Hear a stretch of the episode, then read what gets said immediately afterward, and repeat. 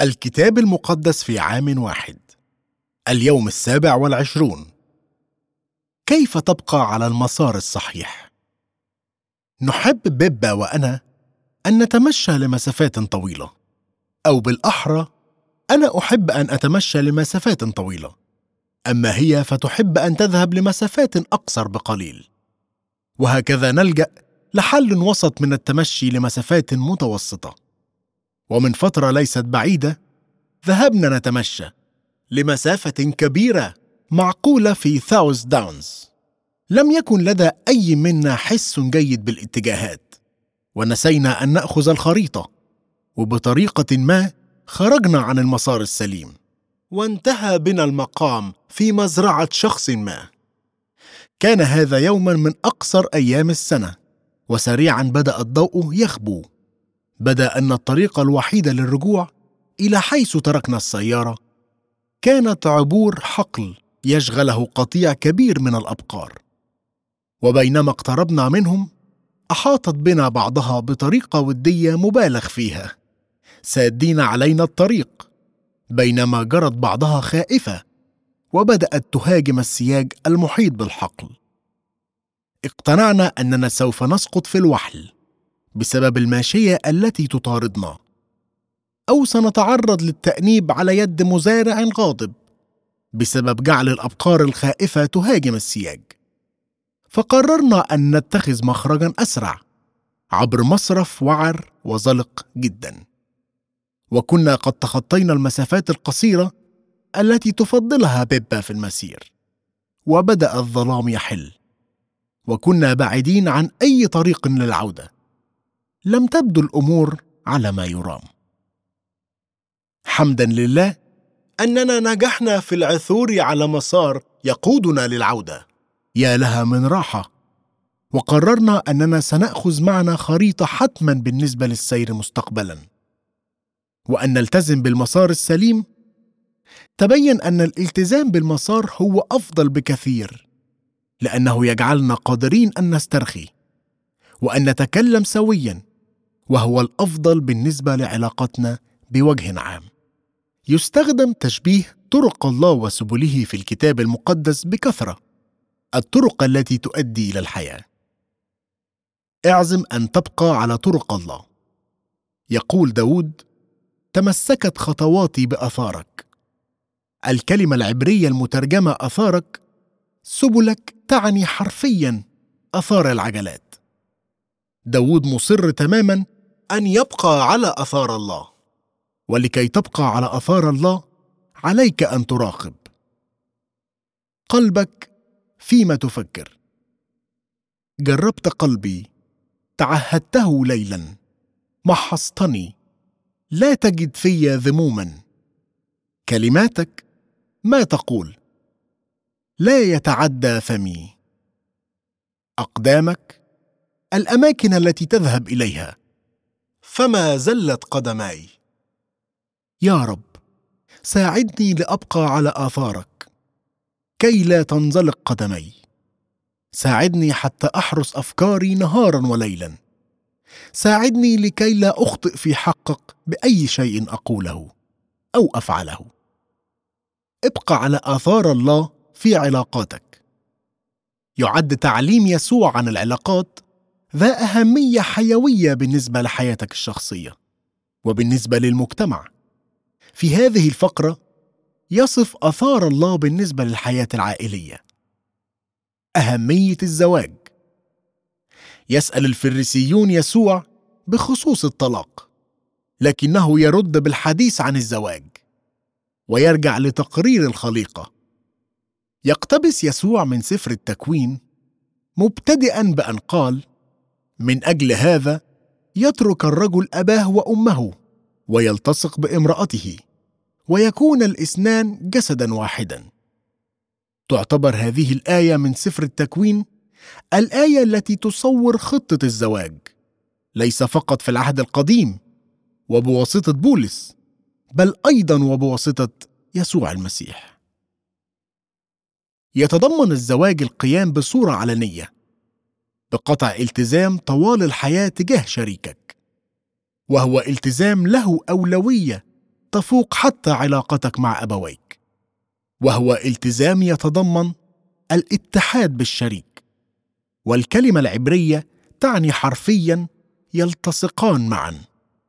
ليس فقط على المستوى المادي البيولوجي بل وعاطفيا ونفسيا واجتماعيا وروحيا. هذا هو السياق المسيحي لاتحاد الجسد الواحد.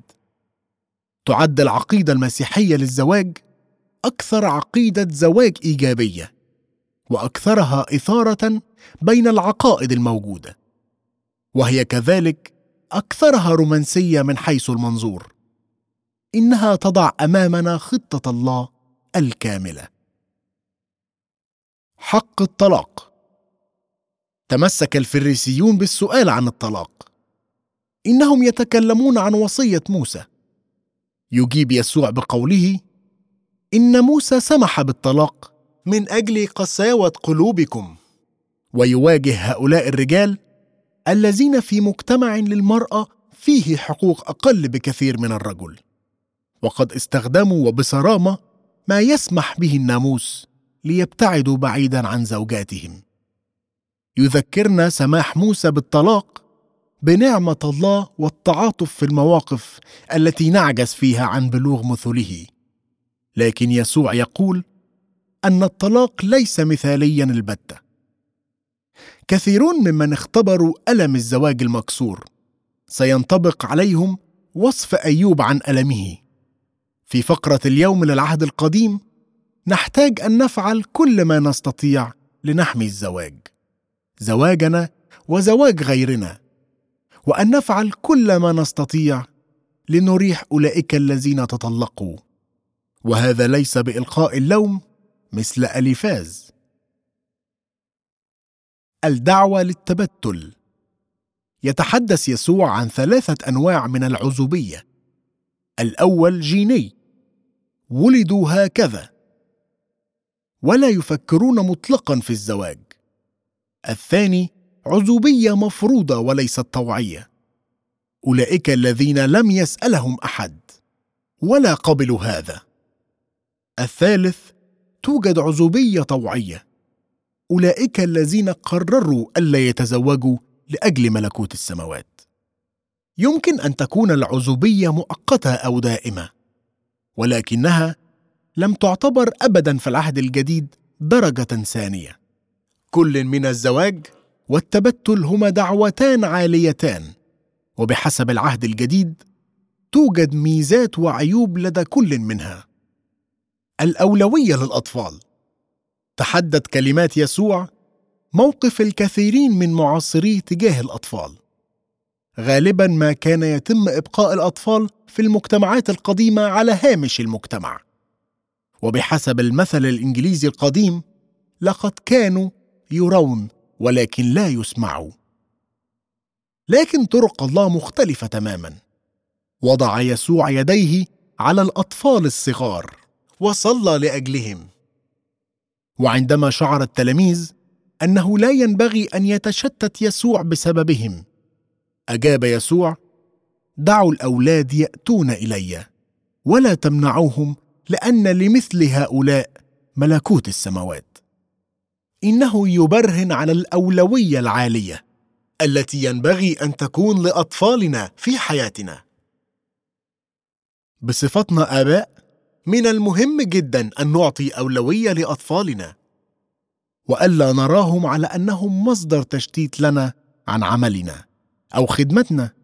وككنيسة نحتاج أن نرى أن أطفالنا وشبابنا لهم الأولوية. من حيث المصادر والتسهيلات والمرافق لأن لهم ملكوت السماوات. مثلهم مثل أي شخص آخر. ساعدنا يا رب في كل من حياتنا الشخصية وكمجتمع. حتى لا نبتعد ونتوه عن آثارك بالنسبة للحياة العائلية. أصلي لأجل بركتك على أولئك الذين يعلمون عن تقوية الحياة العائلية. ساعد الآخرين ليبقوا في المسار الصحيح مع الله. إنني ممتن جدا من أجل أصدقائي الذين ساعدوني لأبقى على المسار الصحيح. لكن أحيانا يمكن حتى بالنسبة لأصدقائنا أن يسيئوا الفهم أو يروا الأمور بطريقة خاطئة. نرى في هذه الفقرة تباينا بين أيوب الذي ساعد الآخرين ليبقوا على طرق الله. وأليفاز الذي لم يكون معينا لأيوب. أحيانا يسأل الناس هل كل كلمة في الكتاب المقدس صحيحة؟ ودائما ما تكون إجابتي نعم ولكنها مثل أي كتاب آخر تحتاج لأن تفسر. واحدة من قواعد التفسير هي أنه علينا أن نفسر بحسب السياق. في فقرة اليوم نقرأ كلمات أليفاز وهو واحد من أصدقاء أيوب. علينا أن نقرأ هذه الكلمات في ضوء حقيقة أنه في النهاية يقول الرب لألفاز التيماني قد احتمى غضبي عليك وعلى كلا صاحبيك لأنكم لم تقولوا في الصواب كعبدي أيوب. ليست كل الكلمات التي نقرأها في هذه الفقرة صحيحة. يقدم أصدقاء أيوب إجابات شديدة السطحية لمشكلة الألم. يعد تشخيصهم ساذج في أغلبه متدين ولكنه غير واقعي. ولكن أيوب من الناحية الأخرى واقعي وأمين بينما كان يصارع مع الألم. لليال طوال وبلا نوم حزينا ومتألما. معاناته ليست نتيجة لخطيته كما يقترح أليفاز واصدقائه يسأل أيوب بالصواب علموني فأنا أسكت وفهموني في أي شيء ضللت. سيديننا روح الله دائما على خطايا معينة. بينما يقول له أليفاز واصدقائه في الواقع لا بد أنك قد فعلت شيئا خطأ حتى تعاني هكذا. لم يتسبب أولئك الذين يتألمون بالضرورة في معاناتهم بخطيتهم. فإن حدث هذا فسيديننا الله ويرينا ما هي تلك الخطية المحددة. يقدم أليفاز واصدقائه نصيحة هي عبارة عن خليط من الحق والزيف وينبغي تفسير كلماتهم بناء على هذا. شيء واحد يقوله أليفاز والذي من الممكن أن يكون صحيحا. وهو أن أيوب كان رجلا يساعد الناس ليبقوا على طرق الله. ها أنت قد أرشدت كثيرين وشددت أيادي مرتخية. قد أقام كلامك العاثر وثبت الركب المرتعشة. ليست مهمتك أن تبقى أنت وحدك على المسار الصحيح فقط بل مثل أيوب أن تساعد الآخرين أيضا بتصرفاتك وبكلماتك. أشكرك يا رب. لأجل كل أصدقائي الذين يساعدونني لأبقى على المسار الصحيح. ساعدني لأكون تعزية حقيقية لمن يعانون ولأدعم من يتعثرون ولأقوي ذوي الركب المرتعشة. ساعدنا كلنا لنساعد بعضنا بعضا لنسير في طرقك ونبقى على آثارك. إنني مندهشة من قول المرنم لا يتعدى فمي. فهذا يعني أن تكون حريصا في كل كلماتك. لا زال ما نقوله ونحن خارج ساعات العمل مهما.